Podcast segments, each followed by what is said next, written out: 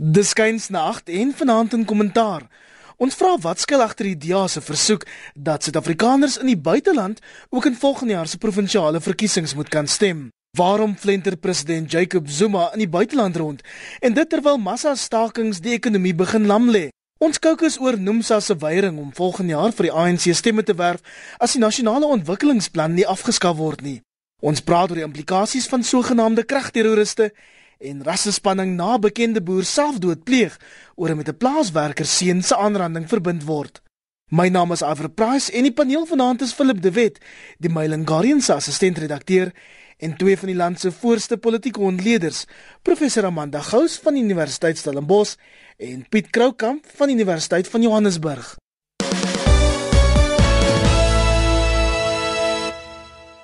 Kollegas wêreldwyd begin Suid-Afrika aandag trek met die massa stakings wat ons die week gesien het. Die Britse Guardian skryf goudmynwerkers staak weens slawelone in 'n wit man se ekonomie en die New York Times beskryf die stakings as 'n absolute plaag. Amanda, dis nie eintlik goed vir Suid-Afrika se beeld nie. Nee wel, ons het nou verskillende sektore wat staak of dreig om te staak, die mynsektor, konstruksiewerkers, die motorindustrie en dit het 'n geweldige impak op die ekonomie. Die staking in die motorindustrie kos ons 700 miljoen rand 'n dag. Dit kos ons meer in die in die mynsektor. Ons praat van 'n staakseisoen, maar ek dink dit het nou 'n jaarlikse instelling geword dat mense staak en hulle eise word al hoe meer onrealisties in die sin dat hulle byvoorbeeld tot 60% verhoging wil hê of sê daar's 'n afsnypunt waar almal dieselfde moet verdien wat op die laagste range is en as hulle dit nie kan verdien nie dan gaan hulle nie ophou staak nie. Nou ek dink wat 'n mens moet in ag neem is dat byvoorbeeld in die mynsektor is die goudprys laag globaal laag op die oomblik. Die myne in Suid-Afrika lewer minder goud. Wat is die winsgrens? Ek dink dit is 'n ding waaroor daar gepraat word. Wat is die werklike winsgrens in die mynindustrie? En hoe hoe realisties kan sulke hoë verhogings toegeken word? Ek dink wat werklik kommerwekkend is, is die werkers Ek weet nie wat hulle beeld van die ekonomie, hulle holistiese beeld van die ekonomie is en of hulle weet hoeveel skade hulle aan die ekonomie berokken. Nou ek maak nie argument dat mense nie 'n living wage betaal moet word nie. Maar ek dink ook as ons nou kyk van Marikana af, is daar pogings aangewend om lone te verhoog en so aan wat ek dink groot spronge was in terme van wat werkers verdien het. En ek dink daar's ook die valse vergelyking van die werkers met die mynbase byvoorbeeld. Um, ek het nou dag een van die sekretaris-generaal van ek dink was van Noem wat gesê het, "Jy kyk na die mynbase, kyk en wat se huise bly hulle, kyk wat se motors bestuur hulle, kyk wat se klere dra hulle."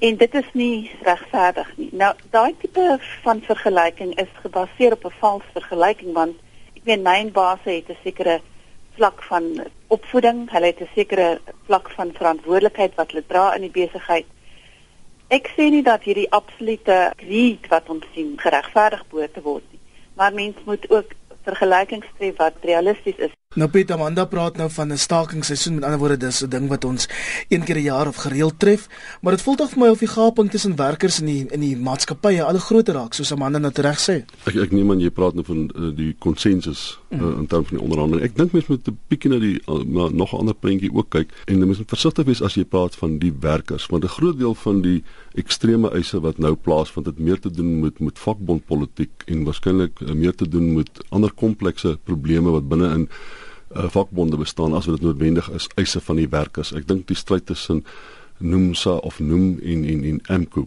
byvoorbeeld in 'n sekere mate het te doen met die feit dat daar 'n 60% looneis is. Dis asof hierdie twee vakbonde of met mekaar as dit ware omtrent kompeteer.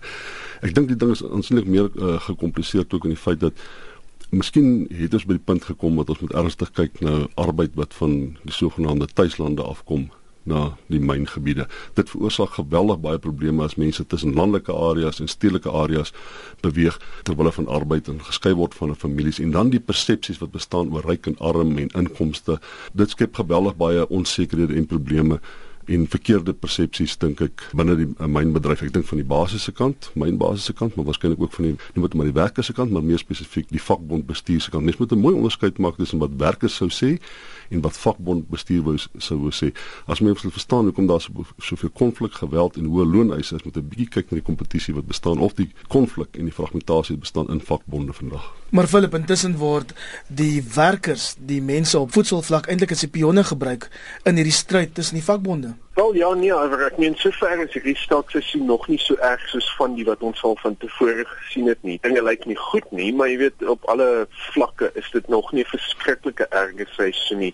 Die probleem natuurlik is aan die een kant dat ons vakbonde het wat militant moet wees of moet gesien word as as militant in hierdie nuwe post-Marikana wêreld waarin ons leef. En, en natuurlik ons ook 'n verkiesingsjaar hierdie jaar. So daar's baie druk op veral die vak vakbonde en ek dink wat ons sien, jy weet van tevore so 2 jaar terug het ons uh, onsself op 'n plek gevind waar die vakbonde nou saamgewerk het met die werkers en en hulle het 'n groot rol gespeel om die eise bietjie afwaarts te toon. Jy weet jy sou werkers gehad het wat na die vergaderings toe gekom het en gesê het ons het 'n 60% verhoging nodig want dit is die enigste manier wat ons oortentlik kan lewe. En dit sou die vakbond leiers gewees het wat gesê het ouens, jy weet die ekonomie doen nie so goed nie. Daar's daar's 'n realiteit hier. Kom ons kyk na die nommers en kyk wat ons kan doen. Daai daar sover ons kan sien is min min of meer verby. Jy kan nie meer 'n vakbondleier wees. Jy kan definitief nie 'n vakbondleier wees in verkiesingsjaar wat kan sê nee, ons dink nie julle eise gaan werk nie voor ons dit na die maatskappy het gevat. Kom ons werk bietjie aan daai nommers. En as daai tendens voortgaan, ja, kan ons nog groot moeilikheid in die toekoms sê. Maar ek ek dink dit daarmee te doen dat daar was nie kompetisie tussen vakbonde gewees nie verlede nie. Die maar die Kusatu vakbonde noem so noem was die groot vakbonde gewees in Satao en hulle het nie werklik meegeding vir lede nie. Nou is daar mededinging verlede, so dit maak nou amper daar's omtrent 'n ingeboude dinamiek nou vir 'n tipe van kompetisie toe toe ratchet up te styk, so wat wil dit om te sê, goed, ons ons kan vir jou beter loon onderhandeling proses in die gang kry as wat Amco kan of so iets en ek dink dit is deel van die probleem. Maar Amanda, dit lyk nie of president Zuma heeltemal in beheer is van wat in die land aangaan nie. Ons kry omtrent elke dag 'n verklaring van die presidentsiële woordvoerder Mac Maharaj om te sê hy's in 'n verskillende land en dit terwyl Suid-Afrika eintlik brand in 'n groot mate. Ja, ons weet toe Marikana plaasgevind het dat die president baie lank gewag het en toe uiteindelik betrokke geraak het, was dit baie vinnig, was 'n in en uit situasie gewees. Die president is op die oomblik, ek dink hy was betrokke by die G20 in in Rusland, so hy was nie hier nie. Maar ek meen hy het nog nooit eintlik baie te sê gehad oor die ekonomie nie. As dit kom by ekonomiese sake nie of as hy iets te sê het, dan is dit ten minste laat. Pieter maak die belangrike opmerking dat dit baie van wat gebeur is is vakbondpolitiek. So ek dink wat die president se standpunt is is dat die die vakbonde en die leiers van die vakbonde moet dit uitsorteer want hulle is deel van die alliansie nie die die drie party alliansie wat die land regeer. Ek dink nie hy voel homself genoop om om enigiets te sê nie en ek dink dit is 'n baie verkeerde strategie in die sin van hy lyk altyd asof hy afwesig is en dit skep nie vertroue by die burgers van die land nie of dit nou werkers is of vir die vakbondleiers is en of dit weet net die gewone man in die straat is nie. En ek dink dat die ministers wat in daardie sektor, die ekonomiese sektor betrokke is, voel dat hulle kan nie eintlik iets sê as hy hulle nie afvaardig om iets te sê nie of as hy dit nie self doen nie. En ek dink dit is baie nadelig vir die land want dit is nadelig vir die persepsies wat in die buiteland ontstaan rondom Suid-Afrika. Soms determineer ekonomiese beleid politiek en soms determineer die politieke bietjie ekonomiese beleid. Daar moet jy moet so 'n manier 'n balans vind en ek dink die probleem met die president is dat hy hoofsaaklik ekonomiese beleid probeer determineer deur politieke prosesse. Hy het net 'n politieke manier om te kyk na die ekonomiese werklikhede. So as as daar 'n staking in Suid-Afrika as dit beskou het as 'n politieke magspel wat ergens plaasvind en hy probeer homself so posisioneer dat hy sy eie politieke oorlewing kan noodwendig maak en ek ek vermoed miskien kan hy argumenteer en Thabo Mbeki dink ek het 'n het 'n beter balans gehad. Hy het hy het op 'n ekonomiese manier bepaalde politieke besluite geneem en partykeer andersom. Maar ek dink eerlikwaar Jacob Zuma het nie die vermoë om in terme van politieke mag komplekse politieke besluite te neem met ekonomiese konsekwensies en dikwels ongeag die ekonomiese konsekwensies. Solidariteit se Gideon Du Plessis het in beelde arbeidsverhoudinge Kodessa op 'n hoë vlak bepleit weer hierdie week. Dink jy dis nodig om die stakingsgolf in bedwang te kan bring, Philip? Man, dit is definitief baie belangrik, maar of ons dit kan doen deur rondom 'n tafel te sit en te gesels daaroor, weet ek nie. Dis nie dat die die verskillende kante oog tot oog kan sien en ek meen wat ons al gesien het is dat die president die inisiatief gehad het om te sê, wel, jy weet ons moet kyk na die uitvoerende bestuur se salarisse en ons moet salaris staking basies hê en nou man, mag nie increases wees en so en so voort nie. Daai tipe ding gaan net eenvoudig nie help nie. Die kwik kan te sien nie oog tot oog nie. Ehm um, daar is nie veel vir hulle om oor te praat nie. Die werkers voel dat hulle die mag het en wat ons meer en meer van werkers af hoor op voedselvlak is dat hulle glo dat hulle die, die mag in hulle kant het dat hulle die ekonomie tot 'n standstill kan bring as dit sou nodig wees en dat hulle bereid is om daai mag te gebruik.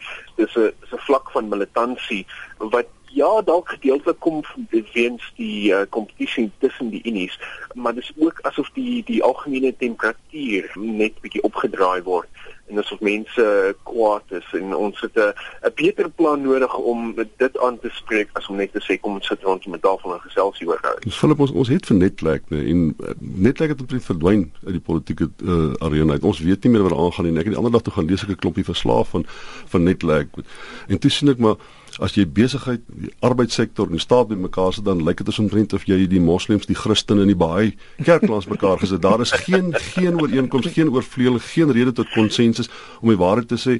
Hulle verduidelik net elkeen hulle standpunt en dan op 'n bepaalde manier probeer hulle kyk maar waaroor is ooreenstem en as daar bitter min hulle ooreenstem wat maak dit hulle eintlik vreeslik vorder maar wat ek probeer sê is daar is instellings wat daar is wat spesifiek ten doel het om hierdie verhouding tussen arbeid en die en kapitaal en die staat op 'n of ander manier te bestuur. Maar dit lyk asof daai proses wat 'n tegnokratiese proses in 'n sekere mate is asof dit so half afgeplat is en die hele proses nou opgeskuif het na die politieke terrein toe. Alle besluite word nou in die politieke terrein geneem en dit is baie sleg. Stem jy saam Amanda? Ja ek dink dit is die punt wat ek maak het dat Zuma neem nie ekonomiese besluite. Dit word as 'n politieke proses gesien en ek dink hy vir weet laat goed vir lang tyd God se water oor God se akker loop en, en hoop dat daar iets sal uitkom. Maar ek dink ook die kwessie dat ons volgende jaar 'n verkiesing het en dat die die drie party alliansie 'n baie belangrike rol speel en en Kusatu spesifiek ook baie militant is rondom die nasionale ontwikkelingsplan. Is baie duidelik van die politiek wat hier gebeur dat die vakbonde voel dat die nuwe liberale kapitalistiese beleide nie aanvaarbaar is nie dat iets anders wil hê dat die nasionale ontwikkelingsplan ons nog verder in daai op daai roete laat gaan. Dit kan net soort van oorlogspraatjies wees om te sê wel maak seker dat jy ook iets vir ons as die vakbonde gee in die verkiesing of ons gaan julle boikot op daardie gebied of dit kan ernstig wees. Weet dan is die hele soort van nuwe dokument wat die basis is van alle nuwe beleid is dan soort van onder beleg want Kusatu weier om dit te aanvaar. En intussen duur stakings in verskeie bedrywe voort om die waarheid te sê selfs motoriste is vroeër vandag aangeraai om seker te maak dat hulle brandstof het voordat petroljoggies môre begin staak. Nou ons bly by nuus oor die impak van vakbonde en Nomsa sê hy sal nie volgende jaar vir die ANC stemme werf as die einste nasionale ontwikkelingsplan nie afgeskaf word nie.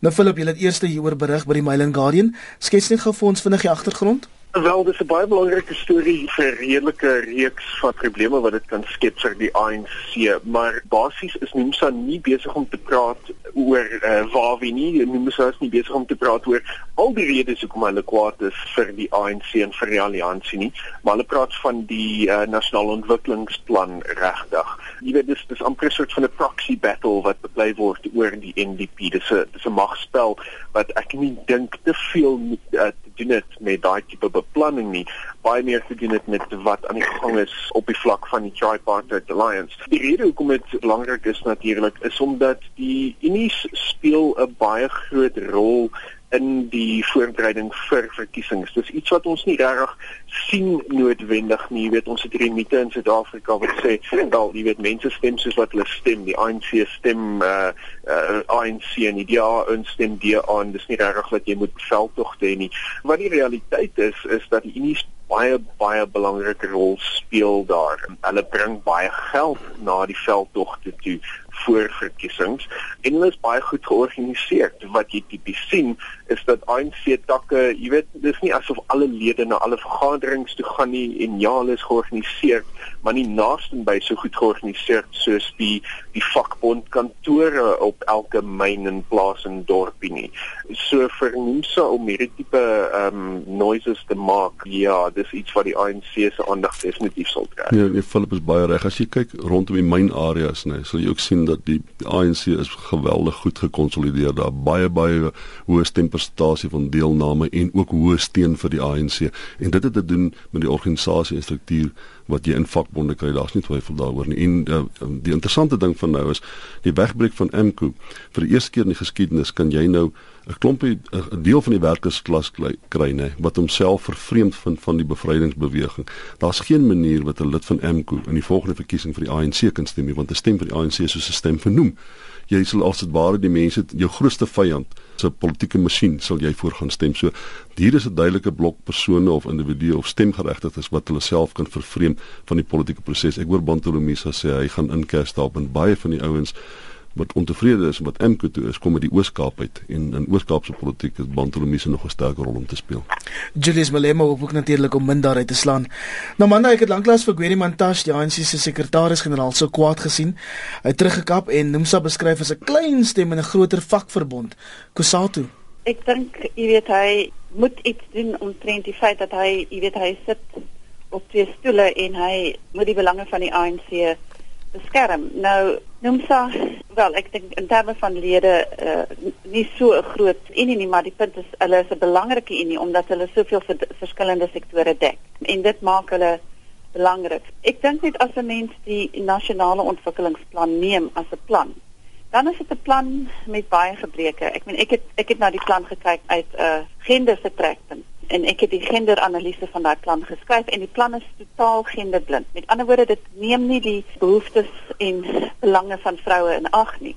Nou ek neem aan elke sektor kan kla oor die plan. Dit is hoekom die regering sê die plan is 'n besprekingsdokument dat almal van ons moet insette lewer en bydraes lewer tot die plan. So hierdie is duidelik die kritiek teen die plan is 'n kritiek wat gegrond is ook in 'n hele probleem van die left of die linkse vleuel in Suid-Afrika. Dat wat ons het nou is is 'n beweging senterregs. Die ANC is al geruime tyd senterregs en die linkervleuel voel dat daar moet 'n ander tipe ekonomiese beleid wees wat hierdie gaping tussen ryk en arm want ek dink ook as ons kyk na die jy weet die werkers en die besitters dan is hierdie gaping die grootste in die wêreld. En neoliberale beleide dra by om daai gaping groter te maak. So wat die linkervleuel sê is dat ons met ander tipe ekonomiese beleid hê om daai gaping kleiner te maak, om beter herverspreiding te hê, om meer mense in 'n substantiëre burgerskap in te sluit. En die nasionale ontwikkelingsplan, as ons gaan kyk daarna, is is 'n nuwe liberale dokument en en dit is ek dink die klagte. Maar hoekom net een unie hierdie hele gesprek dryf en nie die hele Kusate nie? Ek dink Kusate het hom al daarin uitgespreek, maar dit is nou noem sou wat dit dryf het te doen met uh met die uh, vakbondpolitiek en net het minder te doen dink ek met die nasionale ontwikkeling. Ek dink Amanda is 100% reg is ek dink net Pieter Mulder en 'n paar ouens uh, se skoene skud as hy praat van die ANC senter regs. Erns wil die woord regs wil net nie vir my lekker pas maar ek ek, ek, verstaan presies wat sy bedoel. Dit is interessant. Ek dink net om terug te kom by jou vraag oor Gedimentas is my interessant. Daar's natuurlik 'n klompie kinderstories in dit toe die huis ook en dit is die probleem wat Gedimentas het. Hy's nie eintlik 'n vriend van Jacob Zuma meer nie. Om die waarheid te sê, ons weet reeds dat hy en Jacob Zuma 'n redelike uitval gehad het en as Jacob Zuma intussen van Mkhize en KwaZulu-Natal haal het en van hulle toe die huis gesit om, om 'n bietjie vir Gedimentas te counter. Ons weet ook dat uh, uh, die president vind nie meer vreeslik vrede in wat in die huis gesê word nie. Hy luister uit eerder na die nasionale uitvoerende komitee uh, wat van wat werklik gebeur. So Gedimentas praat eintlik 'n taal wat ek dink ideologies hy nie eintlik vreeslik mee saamstem nie. En inderdaad ons as die kinderstorie nog verder kan vat, dan weet ons dat hy Motlanthe, Pravin Gordhan, Trevor Manuel en 'n paar ander ouens uh, is eintlik mense wat heeltemal vrede daarmee sal maak as Jacob Zuma nie nommer 1 op die ANC se lys vir die volgende verkiesing nie. So, ek weet nie mentas is my interessante verskynsel hoe kwaadre word, hoe meer ongeloofwaardig word, want ek vermoed hy sit eintlik saam met Nomsa om die tafel in een belangrike opsig en dit is hy wil ook graag van Jacob Zuma ontslaa raak omdat hy ook die onbestendigheid binne die drie party alliansie en binne die ANC self assosieer met Jacob Zuma en dis net 'n stukkie kinderstorie. Nou Philip, as ons gaan verder praat oor die drie party alliansie, wat is hier besig om te gebeur? Is hulle stadig maar seker besig om te verbrokkel? Wel, dis iets wat ons nou al baie baie jare vanaf praat. Ek meen, wanneer is die eerste keer wat ons gepraat het van o, Kusate en die ANC baie moet verseker nou wyk. Daar's nie meer 'n kans dat hulle rondom dieselfde tafel kan sit nie. Maar nou vir die eerste keer mense hier genis praat ons van Kusate self wat dalk kan split. Ehm um, laat daar gedeelte van die vakbondunies kan wees wat agterbly in, die Tripartite Alliansie en en laat daar gedeelte kan wees wat wat kan gaan en weer eens ja, die storie is dat dit rondom so 'n waar wees wat daai gesprek en geveg gaan, maar regtig is dit die die dieper issues wat na die vore kom hier. Die feit dat ons verskillende vakbondunies het wat op heeltemal 'n verskillende plekke van die politieke spektrum sit wat almal saam onder daai Kusatu vlag sit ek weet ook nie die ander ding is ek weet nie dat ons meer kan praat van 'n van 'n drie party alliansie nie. Um, ek weet nie waar die SA Kommunistiese Party is nie, maar ek dink nie dit bestaan meer nie. Hulle trek net so laag as hulle. Hulle is nie meer 'n speler nie. Uh, ek meen Blydes is heeltemal opgevang um, deur Zuma die um, wat op eens op 'n stadium 'n think tank was vir die ANC is nou net 'n gerug um, wat in die lug bly vlieg. So dinge lyk asof hulle verskriklik gaan verander selfs in die korte duur binne in daai alliansie, maar snaaks genoeg gaan dit nie wees omdat die SATU en die ANC hulle paai gaan wyk nie. Amanda uh, oor die verkiesing van volgende jaar want dit, dit is die ek dink ons dink altyd die weet miskien gaan Kusate opbreek maar dit is baie moeilik as hulle sou weg van die Unie wegbreek en in sien maar 'n werkersparty is om daai hele infrastruktuur op te bou vir 'n verkiesing. So dis baie maklik om as deel van die ANC aan 'n verkiesing deel te neem, jou kommuniste in die regering te kry en die Unie leiers en so aan, as om om dit op jou eie te doen. So daar is geen insentief om weg te breek nie in elk geval nie voor die 2014 kan definitief nie vernoem nie, nee, want hulle is nou polities as hulle so blootgestel as gevolg van die hoeveel groot hoeveelheid lede wat hulle verloor het in die in die in die mynbedryf. Hulle kan glad nie bekostig om die ANC se politieke momentum te verloor nie. Dis ek dink deel van die rede hoekom hulle so naby die ANC begin beweeg. Noemsa wat natuurlik uh, is in, in, in, om waar sê ek dink amper Noemsa is groot. Hy's hy's van die groter unies binne die vakverbond. Hulle dit die spesifieke ideologiese lyn wat nie korrespondeer met dit wat die ANC sê nie en hulle vermoed as hulle wegbreek, as hulle weggaan, kan hulle sê net maar hulle vind hulle politieke tuiste in M saam met MKO. Dan is daar 'n geweldige groot politieke momentum aan die linkerkant want MKO is eintlik ook links. Nou as jy dalk laat bins ingeskakel het, jy luister na kommentaar op RSG. My gaste is Philip de Wet van die Mail and Guardian en die politieke ontleeders Piet Kroukamp en professor Amanda Gous. Daar is baie spanning in die Wes-Kaap na Johnny Burger, 'n boer van die Brede Riviervallei, die week self doodgepleeg het, glo omdat hy nie meer die spanning en skande kon hanteer van 'n hofsaak wat hom met 'n erge aanranding op 'n plaaswerker se seun verbind nie. Rapport het vanoggend onthul dat Flippie Engelbregt sieklik was lank voor hy na bewering deur meneer Burger en sy plaasbestuurder aangerand is. Amanda, jy's nou self van die Weskaap en daar is nou nuwe twyfel oor die seun se storie, maar die boer is reeds dood. Ja, wel, ek meen dit dit lyk al meer asof Karina Papenfoos inligting gebruik wat nie korrek is nie of dat sy dit vervals het. Want dit blyk nou dat hierdie slagoffer van Johnny Burger epilepsie gehad het voor die sogenaamde aanranding en blind geraak het eers lank daarna en dat hy ook 'n uh, 3 jaar na die aanranding sy hande verbrand het wat toe geamputeer moes word. So daar's groot vrae oor wanneer het wat gebeur en was hy nie reeds in 'n sekere toestand voordat hy wel ek weet daar's ook vrae rondom die aanranding en wat die aard van die aanranding was en so aan. Maar Burger se vrou sê dat hy het een van die groot redes vir sy selfmoord is dat Karina Papenfoos hom gereeld op Facebook en Twitter getreiter het.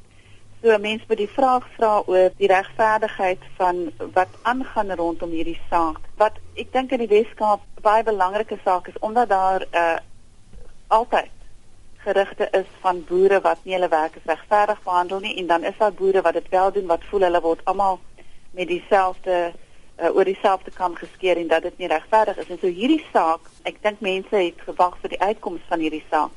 En nou is die is burger dood. So gaan daar gaan daar closure wees? Maar ek dink dis een van die vrae wat mense vra. Maar dit werk ook weer eens lig op die hele kwessie van boere en hulle werkers uh, in die Weskaap Ja, en, dit, en wat jammer is van die ding is nee, omdat dit dit is so 'n belangrike spanning. Ons ons weet van die spanning wat bestaan tussen sê nou maar voedselprodusente of boere en werkers. En ons weet daar's uh, pertinente prosesse om te kyk of hierdie probleem aangespreek kan word. Ons weet dat dit het grootliks te doen met baie van die geweld wat onlangs in die Wes-Kaap was.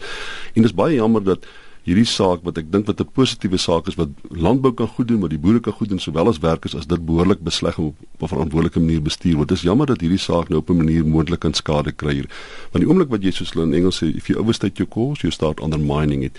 As hier goed plaasgevind het of interpretasies nou is wat nie noodwendig werklikheid is nie, nee.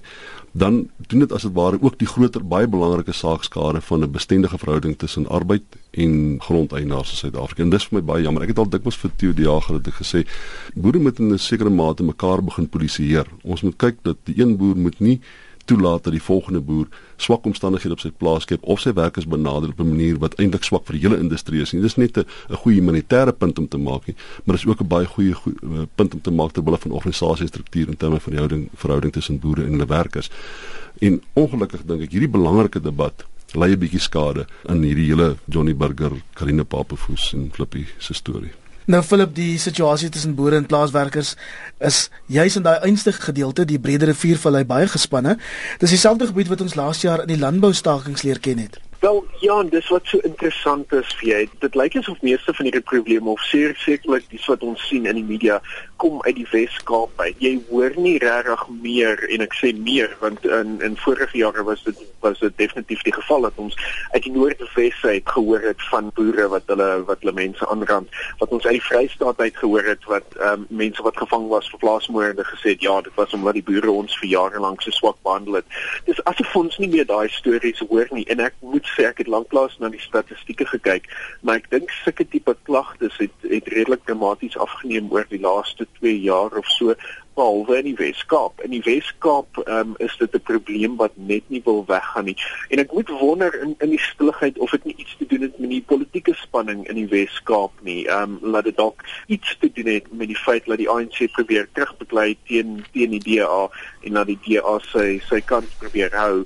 Ek wil nie sê dat dit nie die realiteit is nie. Daar is definitief 'n probleem tussen boere en hulle werkers, nie net in die Wes-Kaap nie, maar elders in die land ook. Maar dit is net asof die die tempo heeltemal anders is in daai deel van die wêreld. Ja, ek Philip, ek dink mens moet net versigtig wees om om sien maar die, die verskynsel waarvoor ons boere soms uh, aan die werk geslaan of hardhandig is met werkers. Ons moet dit onderskei van dit wat in die Wes-Kaap gebeur het. Ek dink die die werklike oorsprong van die probleem in die Wes-Kaap het waarskynlik te doen met die gewellige groot hoeveelhede tydelike werkers, ehm um, uh, migrante wat gaan werk in die Wes-Kaap. Ek dink baie van die dinamika van die probleme wat daar bestaan moet daar gesoek word en en jy moet onthou hier in die in die ou in die ou Transvaal en in die Vrystaat 'n beesboere 3 en 4 en 5 werkers beplaas in die Weskaap partykeer in daai groot groenteplase in en en en wingerdplase sit mense met 3 400 werkers op 'n plaas. Dis heeltemal ander dinamika. Maar ek dink die verskynsel in terme waarvan boere eenvoudig nie op 'n menswaardige manier werk met werkers nie. Dit is ook 'n proses wat eintlik te stadig aangespreek is. Dis 'n proses wat te ongereguleerd is. Daar's te min van 'n 'n plan wat deur werkers, landbou en die staat en die kapitaaleienaars behoorlik bestuur en bespreek is. Dis asof ons dit op ad hoc basis bestuur. Dis asof daar nooit 'n werklike intrede is, 'n bepaalde plan is en 'n uitkoms wat gemeet word. Sê ja, nou het ons 'n gevestigde verhouding soos wat jy het met arbeidswetgewing in Suid-Afrika nie. Daai verhouding is nog nie goed bestuur nie.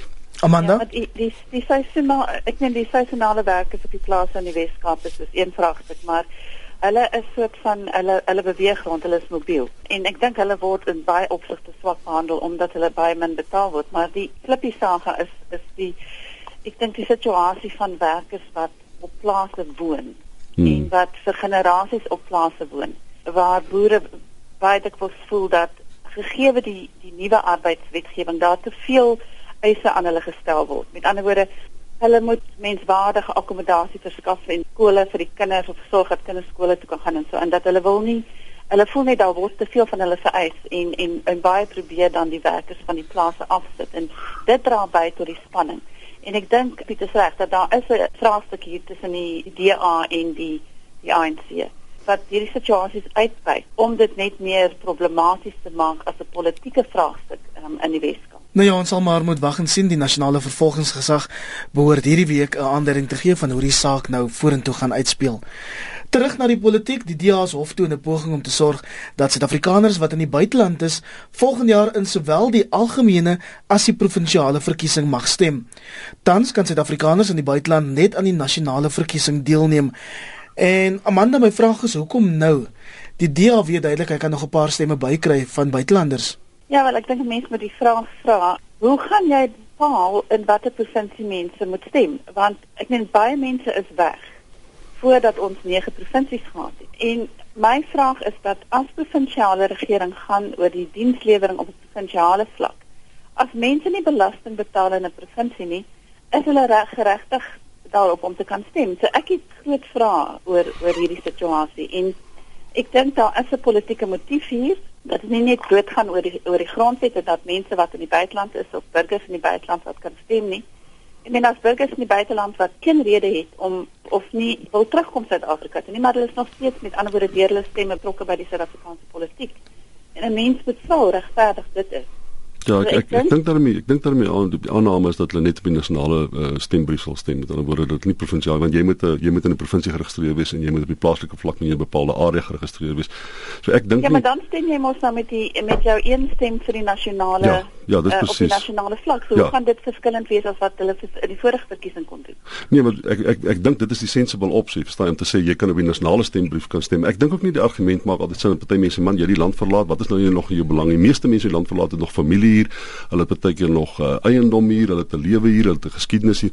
So ek ek ek is heeltemal daarvoor dat mense in die buiteland moet kan stem, maar ek dink die enigste opsie is jy kan net op die nasionale brief stem. Jy kan nie in die provinsiale en in die plaaslike brief stem nie. Nou Philip, ons weet die Vryheidsfront Plus sowel as die ANC is ook teen die DA se voorstel gekant. Hoe voel jy daaroor? Wel dis dis interessant op 'n hele paar vlakke. Ek meen die konstitusionele hof was baie duidelik in hierdie vorige geval om te sê as jy 'n Suid-Afrikaner is, kan jy stem in die verkiesing of jy in die buiteland is of nie, dit maak nie saak nie. Finish and Clark. Suid-Afrikaners kan stem. Daar was nooit regtig goeie voorsiening gemaak vir Suid-Afrikaners in die buiteland om te stem nie. En dit mag dalk iets wees wat die konstitusionele hof na kyk in die DA se applikasie en en goed vind. En dit is heeltemal moontlik dat ons dan die hof sal hê wat sal inmeng in hoe die ehm um, verkiesing gehou word tot 'n sekere mate. Ek meen dis nie verskriklik baie stemme nie, maar die oomblik wat ons die konstitusionele hof het wat vir die regering sê, julle moet vir die IEC sê hoeveel stempunte daar moet wees in Perth in Australië. Raak dit nogal 'n interessante kwessie, maar meestal kyk ek nogal na die timing van hierdie hele saak. Dit is amper vir my asof die DA weet dat dit problematies is vir hulle om na die hof toe te gaan op hierdie basis, want jy het al klaar hierdie persepsie dat die DA 'n party is vir wit mense en vir wit mense wat in 1994 die land uitgejaag het so vinnig soos wat hulle voete hulle kon dra. Ehm um, so as hulle wil dit nie te naby aan verkiesingstyd doen nie want dit sal net daai persepsie meer sement. So hulle probeer, jy weet, nou vroeg in die proses inkom en dalk te vroeg want die feit van die saak is die die hof mag dalk wel sê dat hierdie ding nog voor die parlement lê en dat die DA nog nie die standing het wat hulle nodig het om om voor die hof te kom nie.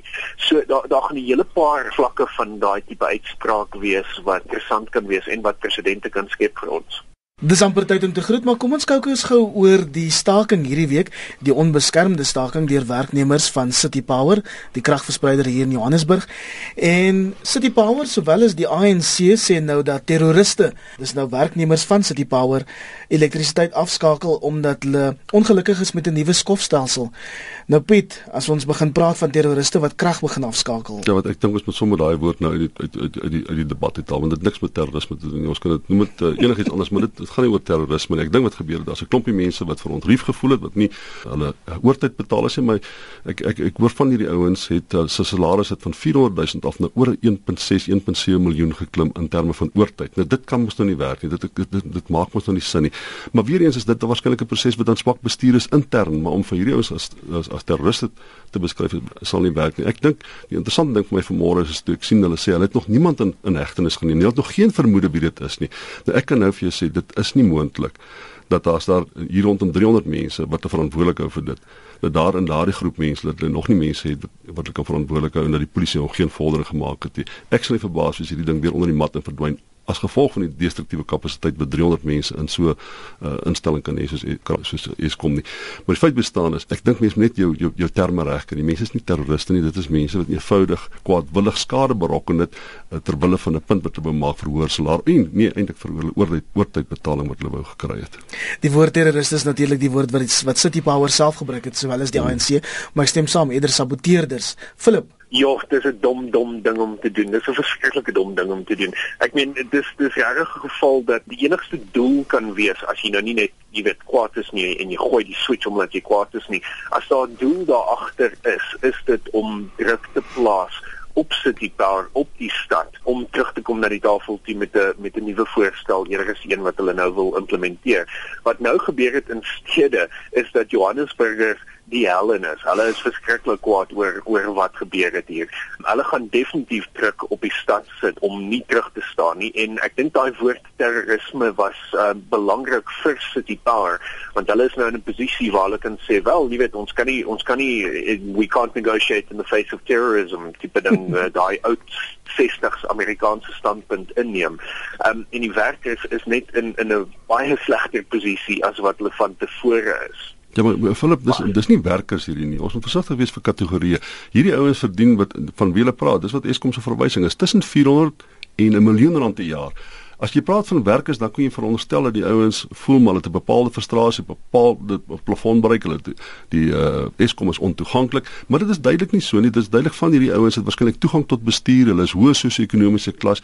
Dit is nie net werkers hierdie, dit is inderdaad mense wat deel is van sê net maar middelklas bestuur omtrent waarop hierdie probleem plaasgevind het. En dit is definitief sabotasie want ek dink die situasie in Johannesburg met swak bestuur rondom elektrisiteit gaan al vir jare aan.